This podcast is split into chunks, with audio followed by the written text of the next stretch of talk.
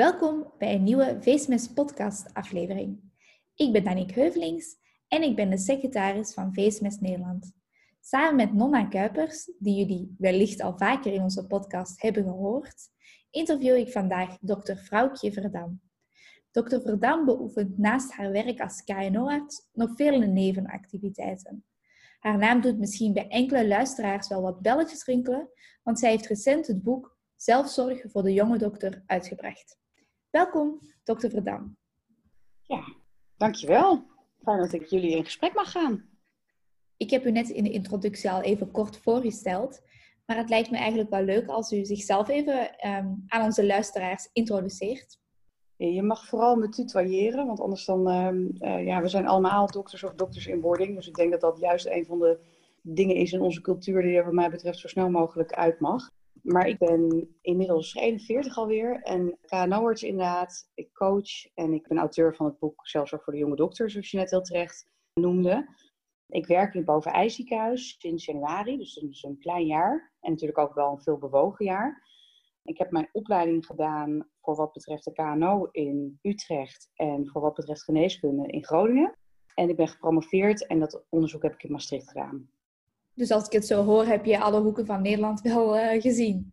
Ja, nou Nederland is gelukkig niet zo'n groot landje, of in ieder geval ik ervaar dat zo. Dus ik heb altijd eigenlijk voor de kwaliteit van de baan gekozen, meer dan voor de locatie.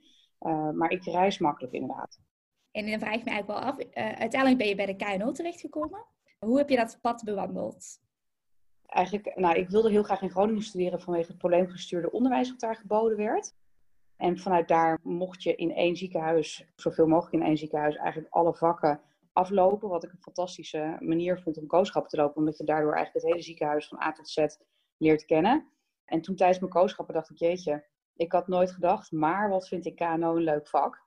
Omdat het alle leeftijden behelst, hè, dus van pasgeborene die benauwd is, tot aan hoogbejaard en uh, slechthorend. Maar ook in de pathologie van heel weinig aan de hand in de zin van verkouden, niet ernstig ziek en er een tijd mee lopen en dan komen omdat ja, je toch het gevoel hebt van dit moet toch beter kunnen. Tot ook gewoon hele ernstige casuïstiek en uh, kanker in de hoofd-halsregio of ernstig benauwde patiënten of mensen die een ernstige bloeding hebben. Dus eh, ja, ik vond het eigenlijk heel gevarieerd. Zowel qua leeftijden als qua pathologie. En toen dacht ik, nou, dit, dit zou ik eigenlijk wel heel graag willen doen. Dat bleek nog niet zo simpel, want zoals jullie ook weten is het niet per se zo dat wat je leuk vindt, dat je daar ook meteen uh, in binnenloopt. Dus toen heb ik wel wat omwegen bewandeld voordat ik uiteindelijk uh, aangenomen werd voor de opleiding. Oh ja, en u zegt uh, KNO superbreed vakgebied, kleine kinderen tot oncologie. Ik kan me voorstellen dat dat uh, te veel is om voor één arts allemaal te behandelen. Waar heeft u zich ook ergens op toegespitst? Ja, dat klopt. Je, sorry, heb je je ook ergens op toegespitst? Ja, ja nee, je wordt inderdaad uh, um, steeds beter gaandeweg. Nee, grapje joh. Het is echt, dit is zo'n wij vinden allemaal dat we goed opgevoed zijn als we uh. Maar wat we doen is dat we in onze artsencultuur in stand houden dat iemand die toevallig langer gewerkt heeft of meer ervaring heeft, meteen ook een andere hiërarchische positie aanneemt. En als je binnen een bank gaat kijken of binnen een groot bedrijf als Philips, dan is het eerste wat je leert is van jongens, wij zijn een team en daarmee spreken we elkaar aan als je. Um, dus ik denk eerlijk gezegd dat dat juist een, een, overblijfsel is van een cultuur die eigenlijk wel uh, mag veranderen. Maar uh, los daarvan, dus voel je van harte uitgenodigd om je te zeggen, maar los daarvan, uh, ja, hoe ging dat? Uh, nou ja, A, inderdaad, het is een breed vak en het is voor de meeste KNO'ers niet mogelijk om dat in de volledige breedte hun carrière lang uit te oefenen. In de opleiding is het natuurlijk wel, krijg je juist wel alle facetten. En ik heb ook het geluk gehad in een opleidingscentrum KNO'ers te worden, waar dat ook echt volledig aan bod kwam. Dus waar ik zowel de kinderkano vanuit een landen verwezen kreeg als de hoofd-hals-oncologie. En dat heb ik als een grote meerwaarde ervaren. Nu ik eenmaal zelf KNO'ers ben, merk je inderdaad dat je langzaam maar zeker toespitst. En ik heb in het Antonius ziekenhuis mijn eerste twee jaar als KNO'ers mogen zitten. En daar met name veel neusbijholte gedaan, maar dus inderdaad relatief veel volwassenen. Alhoewel kindertjes komen denk ik in elke KNO-praktijk voor. Dus uh, buisjes, uh, keelmanden. Uh, maar ook wel luchtwegproblemen of syndromale pathologie of taalspraakachterstand. Dus je hebt gewoon toch ook altijd deel kinderen, wat ik dus gelukkig heel leuk vind. Maar de echt hoofd-hals-oncologie, dat doe ik niet meer. Dus dat is echt uh, herkennen, diagnosticeren, uh, doorverwijzen uh, naar centra waarin ze daar gespecialiseerd zijn. Maar dat, is, dat doe ik niet meer, dat behandel ik niet zelf. Nee. En enerzijds vind ik dat jammer. Anderzijds was het ook een populatie die bij vlagen bijna zijn best deed om een recidief te krijgen, om het maar zo te formuleren. En dat vond ik als mens vind ik dat lastig om mee om te gaan. In die zin past dat ook minder bij mij. Je benoemde net heel duidelijk dat het niet vanzelfsprekend is om in het specialisme te duiken, dat je op het einde van je koolschap heel leuk vindt. En dat is natuurlijk iets waar wij ja, ook tegenaan lopen als uh, co-assistenten. Promoveren tegenwoordig lijkt een beetje een ongeschreven regel. En ik ben wel benieuwd eigenlijk wat jouw visie daarop is, maar ook hoe je daar naar terugkijkt, naar die periode. Ik, ik denk dat dat bij mij precies zo was en precies zo voelde. Dus ik herken ook heel erg die struggle van moet je dat nou wel of niet doen. Ik heb zelf, toen ik geneeskunde deed, wel, laten we zeggen, de mogelijkheid gehad om voor allerlei promotietrajecten te solliciteren. Maar ik vond dat heel lastig te overzien. En ik dacht ook, ja, ik heb net een zesjarige studie erop zitten bijna moet ik nou meteen me weer vastleggen op een twee of drie of vier of soms zelfs vijfjarig project voor een onderwerp waar ik nog niet van overzie dat ik dat net zo interessant vind als dat ik die zes jaar medicijnen vond.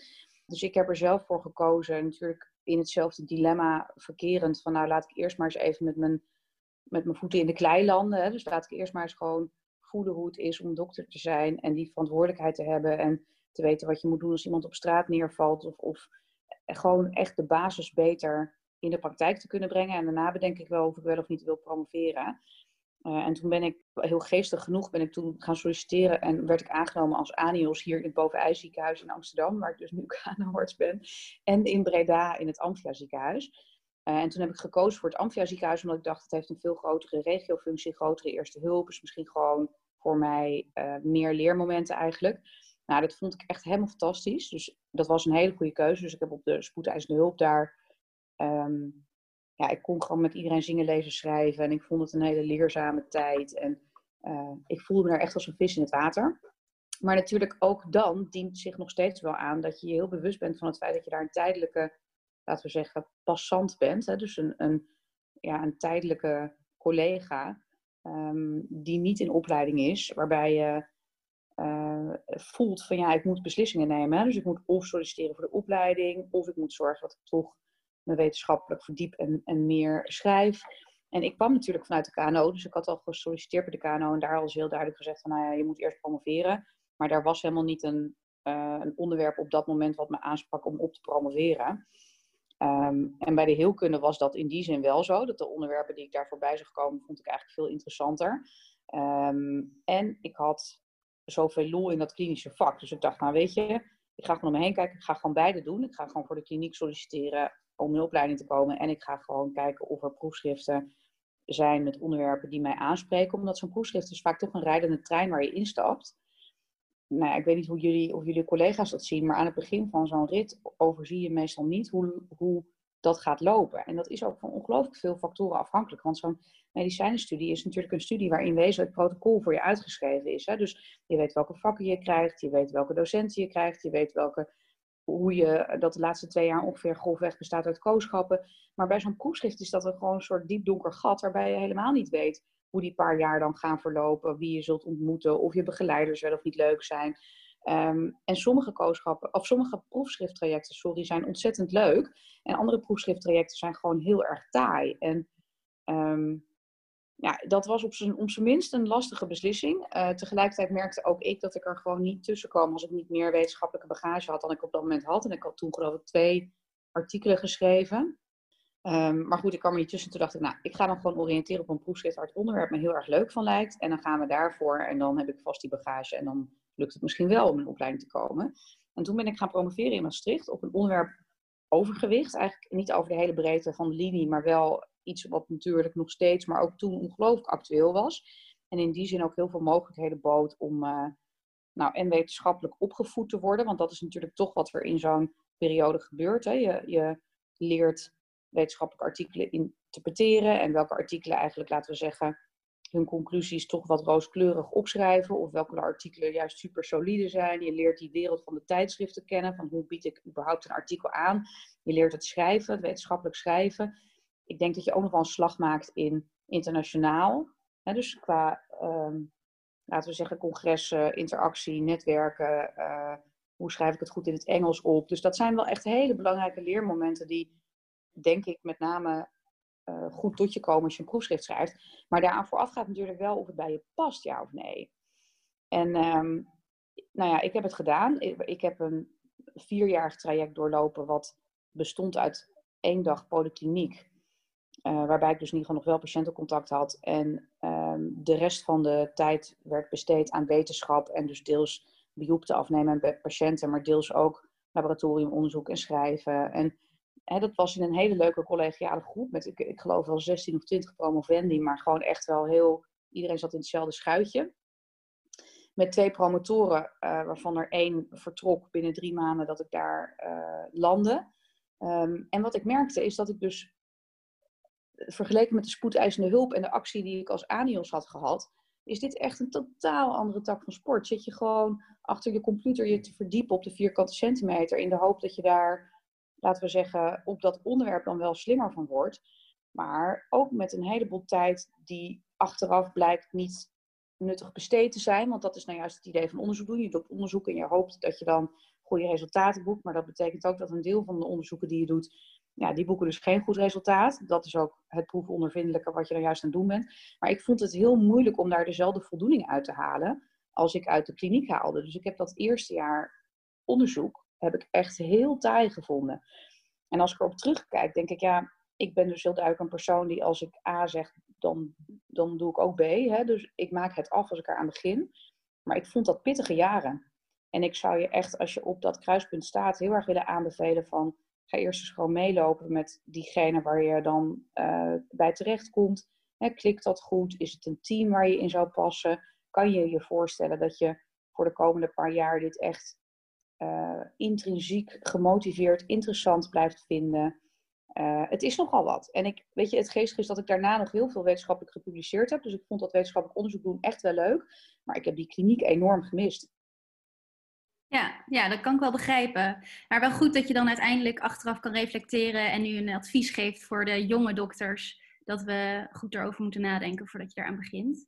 Nou ja, kijk, er is een soort aanname onder dat je als gepromoveerde arts een betere arts bent dan dat je niet gepromoveerd bent. En ik vraag mij af of het waar is, want um, ik ken heel veel goede klinici die niet gepromoveerd zijn, maar ongelooflijk betrokken goede dokters zijn ik ken ook mensen die gepromoveerd zijn, die daarna besloten om niet meer in het patiëntenvak te stappen. Dus die een vak kozen wat eigenlijk relatief weinig patiëntencontact bood.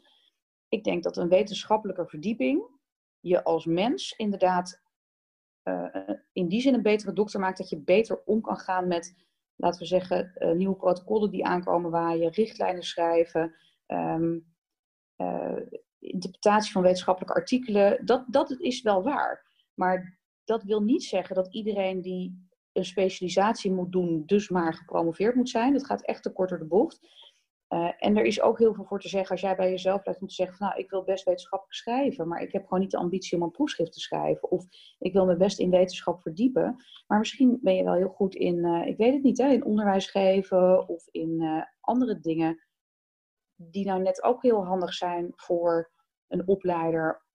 En die niet per se ja, uh, inhouden dat je dan ook vier jaar een proefschrift moet schrijven. Dus dat is echt wel, daarin zou ik vooral willen zeggen, blijf bij jezelf. En durf ook te benoemen wat voor jou goed is. Want ik was na vier jaar proefschrift schrijven niet een leuker mens dan ik daarvoor was. Ik was wel gepromoveerd.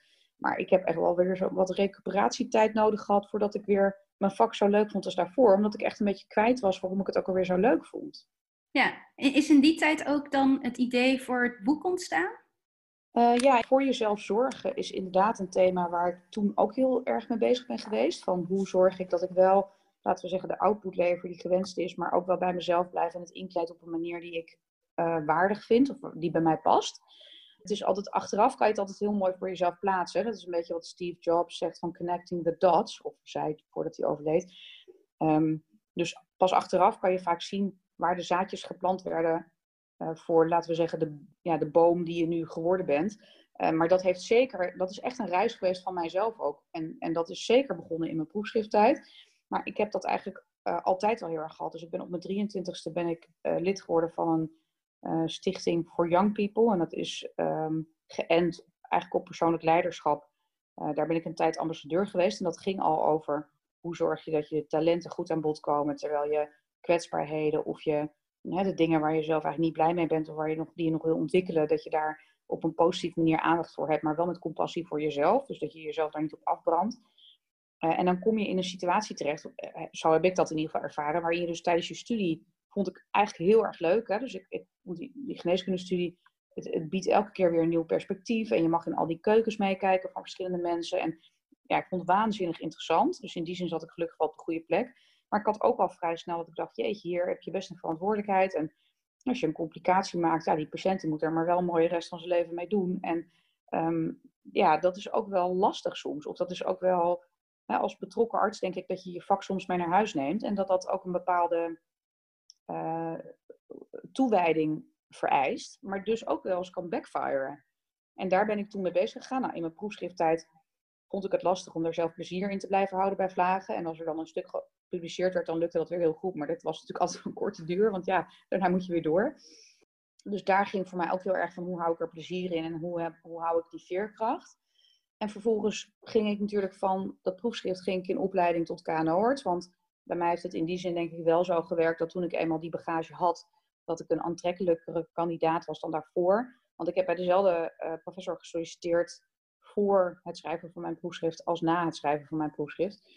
Um, maar toen moest ik natuurlijk wel weer schakelen, want toen had ik twee jaar heelkunde-ervaring en vier jaar wetenschappelijke ervaring. En toen kwam ik natuurlijk in een opleidingssetting terecht, waarin de meeste mensen jonger waren dan ik. Toch, ik had best wel lang me in iets anders verdiept dan de KNO. Dus ik moest ook echt wel weer even helemaal terug naar de boeken. En dan heb je natuurlijk weer de vraag en de uitdaging voor jezelf van... Uh, hoe neem ik hier verantwoordelijkheid voor? Hoe neem ik leiderschap? Hoe ga ik dit aanvliegen? Wat vind ik lastig? Wat vind ik leuk? Uh, ja, en dat is toch altijd weer even je nieuwe balans vinden. Nou, en als artsassistent, ongeacht of je in opleiding bent of niet, je wisselt heel vaak van werkplek of van supervisie of zelfs soms van stad, omdat je verhuist. Dus je moet elke keer weer even inschalen van, hé, hey, wie ben ik?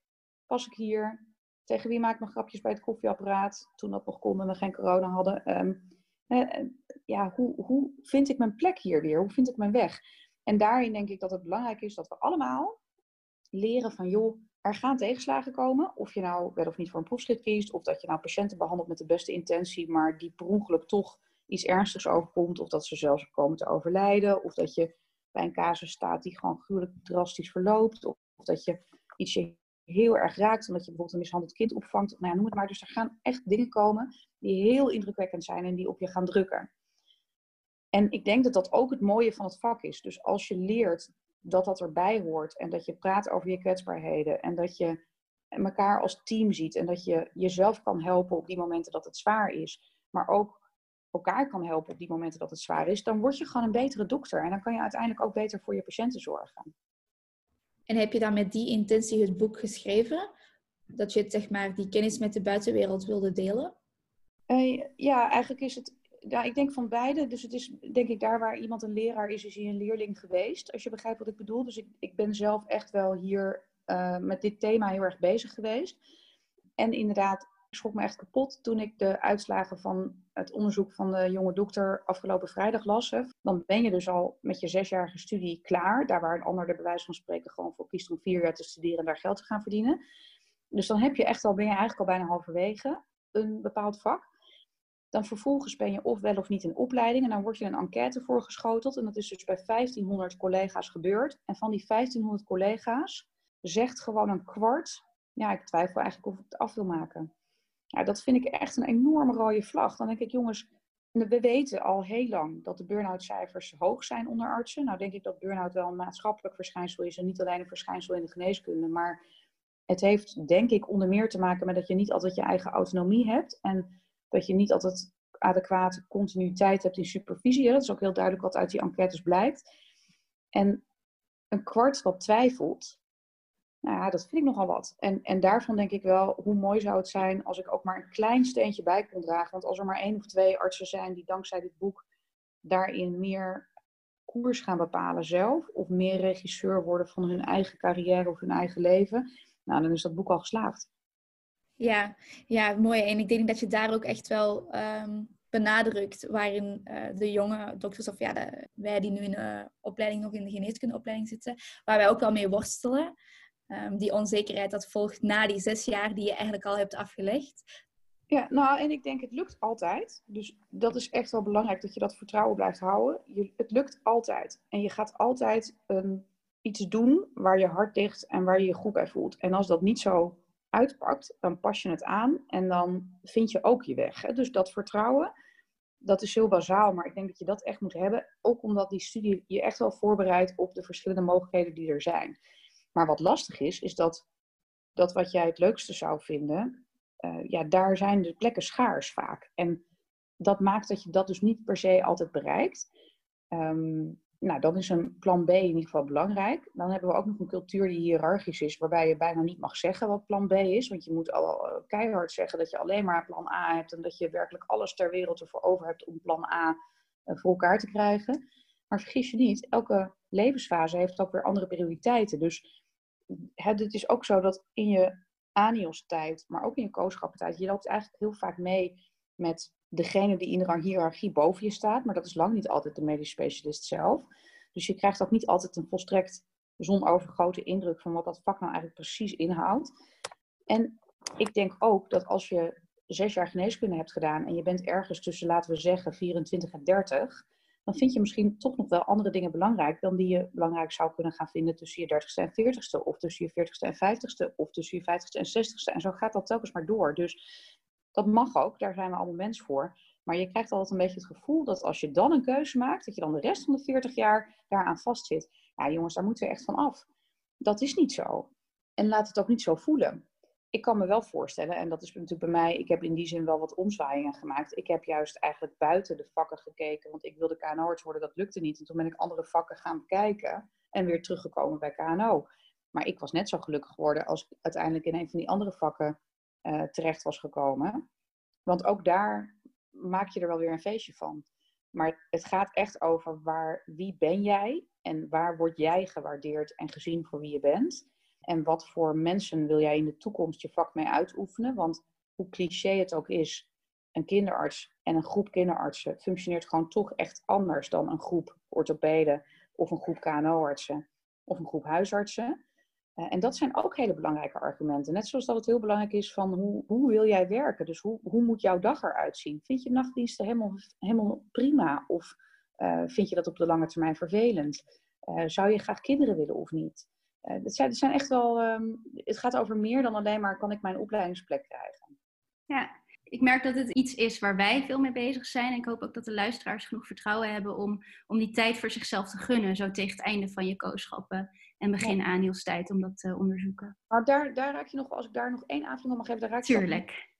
Kijk, als jij van Amsterdam naar New York vliegt en je maakt in Amsterdam al, je laat je in Amsterdam al beïnvloeden door iemand die iets tegen jou zegt waar je onzeker van wordt, dan kom je dus niet in New York uit, maar in Canada ja, daarom heb ik ook bewust het boek voor de jonge dokter geschreven. Omdat ik denk, het is juist aan het begin van je carrière, dus als je, laten we zeggen, het protocol geneeskunde doorlopen hebt, is het zo belangrijk dat jij een keuze maakt die voor jou goed voelt, waar jij voor wil gaan. En als jij zelf op voorhand al denkt, joh, New York, Canada, maakt niet uit, die kant wil ik op, het zal wel. Kijk, dan is dat niet zo belangrijk. Maar, maar hè, dat empoweren van onze collega's die die keuzes moeten maken, en het je goed voelen bij wat je doet en hoe je dat voelt, dat is echt wel heel belangrijk. Nou, ik hoop dat deze podcast een beetje wat meer gesprek tussen de jonge dokters aanzwengelt en dat ze het er zelf meer over gaan nadenken. Ehm, het, het, boek was geschreven in het kader van zelfzorg. Alleen het boek is niet het enige medium waar jij je zorg via uitdrukt. je hebt ook een bedrijf. Zorg voor de dokter opgericht. En ik las dat het geïnspireerd was door een ontmoeting met de Dalai Lama. En daar zijn we wel heel benieuwd naar.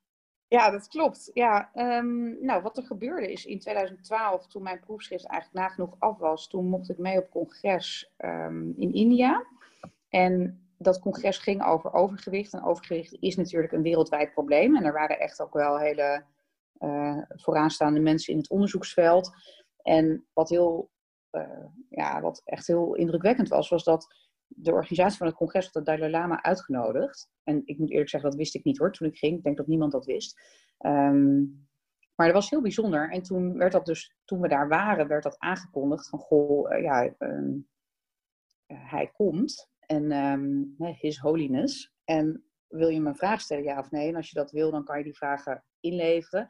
Dat was op het moment dat hij er al was. Dus je moet je voorstellen, je zit in zo'n grote zaal waar, nou ja, even ver voor corona, waar iedereen nog op die stoeltjes zat, dat je ongeveer bij, elkaar op schoot zat in een zaal met veel ehm, mensen die toch de koffiekopjes omgooien en zo. Nou ja, weet je, dat idee. De airco staat altijd net te koud.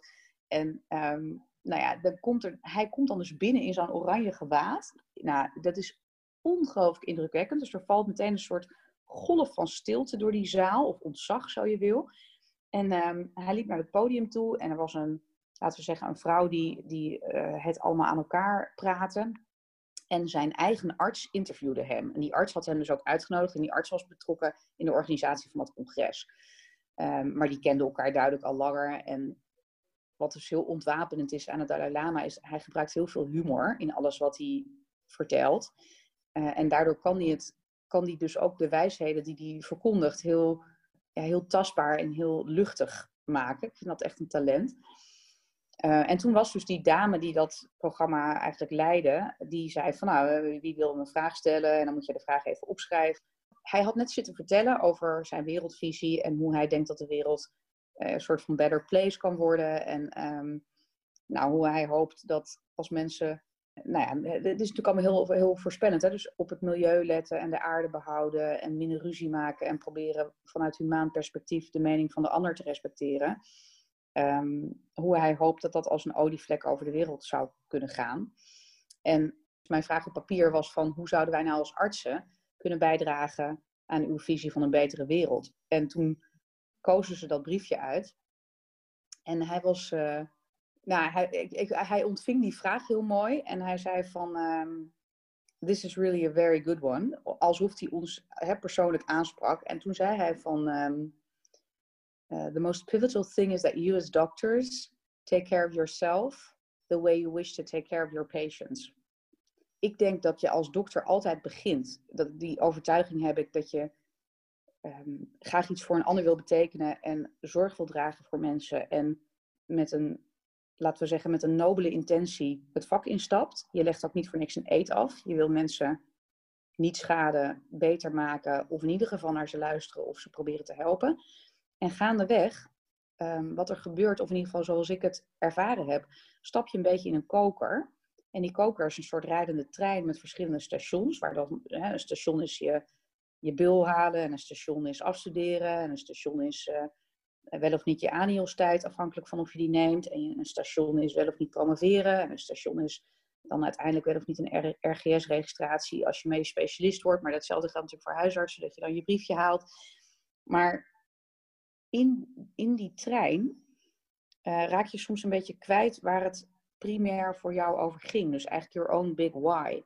En als je goed voor jezelf zorgt en lekker in je vel zit, kan je gewoon je vak veel beter doen. Zorg je automatisch ook beter voor de mensen om je heen. Omdat je namelijk de ruimte hebt om ook eens te vragen: hey, hoe gaat het nou eigenlijk echt met jou? Of jeetje, wat een heftige casus was dat gisteren. Of inderdaad ook eens ruimte of tijd hebt voor een grapje. Dus ik geloof daar gewoon in. Dat je als je voor jezelf zorgt, dat je, ja, dat je dus ook beter voor elkaar en daarmee voor je team en daarmee voor je patiënt zorgt. Maar dat was hij heeft bij mij toen echt een soort kaars aangestoken. Dat ik dacht, jemig, hier ga ik induiken. Dus hoe doe je dat dan? En hoe, ja, hoe zorg je dan eigenlijk echt voor jezelf? Ik vind het wel heel mooi ook om te horen hoeveel waarde je ook hecht aan ook jezelf uh, kennen. Niet inderdaad als arts zijn alleen maar gaat om de, de, de mensen achter de patiënt, maar ook de mensen achter de dokter. En dat is iets wat we eigenlijk uh, toch inderdaad wel vaak vergeten of gewoon niet, uh, niet zien in de opleiding.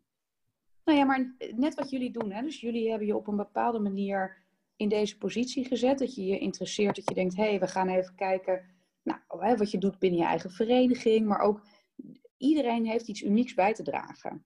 Alleen het is wel belangrijk dat je daar dichtbij blijft. En dat zegt, het heeft met van alles en nog wat te maken. Met jouw eigen interesses, met je positie in het gezin, met wat je daadwerkelijk belangrijk vindt, met hoe jij um, ja, wat je voelt dat je wil.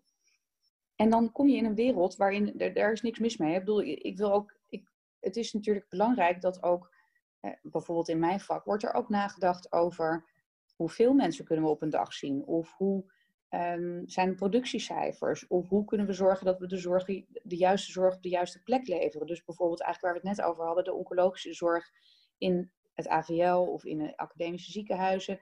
Hè, dat die mensen gewoon op de juiste plek komen en dat wij zorgen dat we, ehm, laten we zeggen, een ander type zorg leveren. En dat is ook heel belangrijk om over na te denken.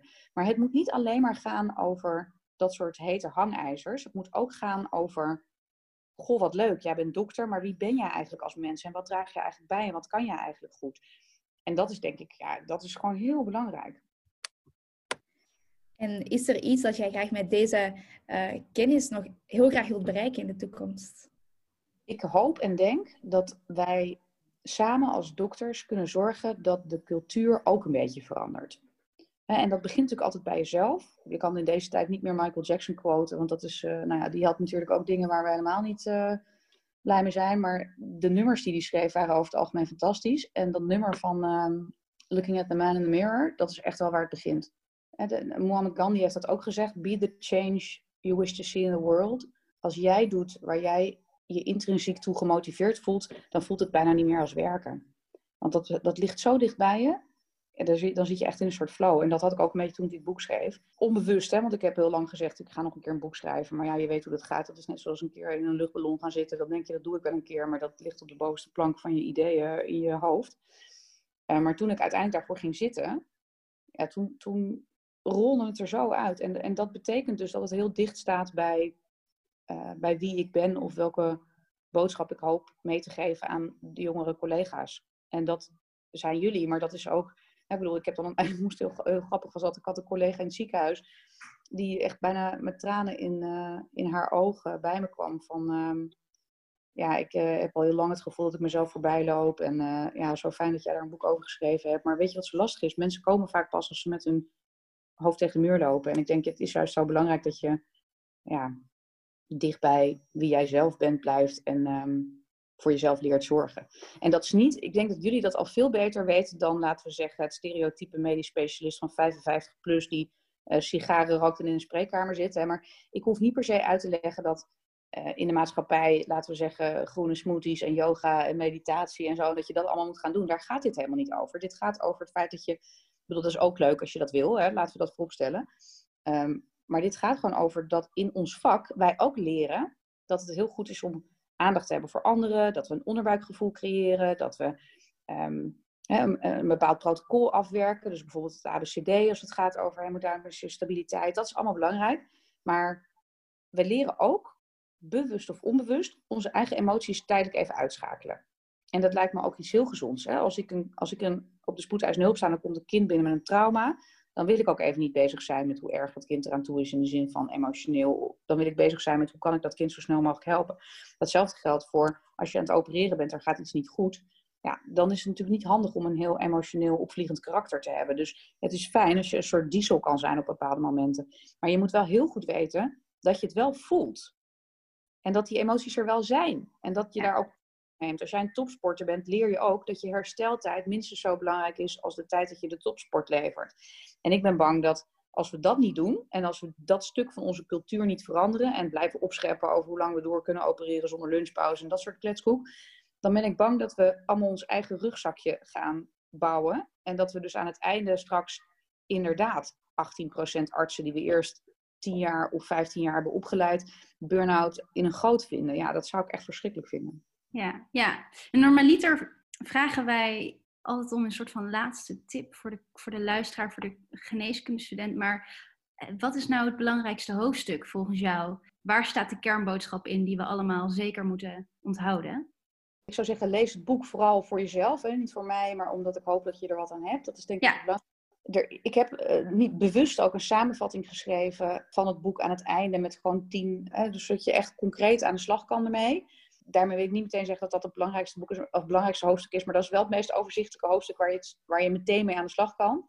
Ik denk, daar hebben we het al heel kort even over gehad, maar ik denk dat het echt het allerbelangrijkste is dat je regisseur wordt van jouw eigen leven. Want als je dat niet wordt, dan ben je heel vatbaar voor alle andere regisseuren om je heen die van jou wat willen of een bepaald verwachtingspatroon hebben of inderdaad bijvoorbeeld vinden dat je wel of niet moet promoveren. Dus het gaat heel erg over je eigen verantwoordelijkheid nemen voor wat jij zelf wil en ook laten we zeggen, de ballen hebben om op te staan en dat te doen. En dat gaat echt over hoe ontwikkel je jouw eigen persoonlijke medische leiderschap en hoe visualiseer je jouw eigen doel. Mooi doel. Ik moet zeggen, zelf, in mijn tussenjaar is dit precies waar ik mee bezig ben geweest. Na alle theorie van de, van de bachelor, uh, dan spoelt er zoveel over je heen en dan weet je niet meer of dit wel is wat je wil. En juist door een beetje een stapje terug te nemen en te denken, wat zijn nou mijn waarden in het leven? Uh, ging ik met een stuk meer vertrouwen dat ik, dat ik een leuke dokter zou kunnen worden, uh, de kooschappen in. Dus ik denk dat dit wel een goede boodschap ja, nou, is. maar dat is, ik vind het dus heel knap van je dat je dus zo'n neemt. Want dat is eigenlijk precies wat dus regisseur van je eigen leven inhoudt. Dat je gewoon denkt, hé, hey, want door dat te doen, maar dat kan je dan waarschijnlijk ook wel beamen, Ehm, ben je ook veel meer overtuigd van de koers die je daarna uh, vaart. Ja, ja. Nou, we moeten het eigenlijk afsluiten. Nogmaals hartelijk dank voor jouw tijd en het brengen van dit verhaal. Uh, we hebben, mooi. We hebben zelf er veel uh, van geleerd en kijken ook uit naar het lezen van het boek. Succes verder met het verspreiden van de awareness. En we hopen dat de luisteraars hun voordeel hiermee doen en ook denken aan hun eigen gezondheid. En we zijn benieuwd ja, wat de verandering gaat zijn die dit allemaal teweeg brengt. Dus Heel erg bedankt. Dankjewel. Ja, heel graag gedaan. En uh, Nona en Danique, jullie ook bedankt voor het fijne gesprek. Ik hoop dat uh, de luisteraars er wat aan hebben of hebben gehad.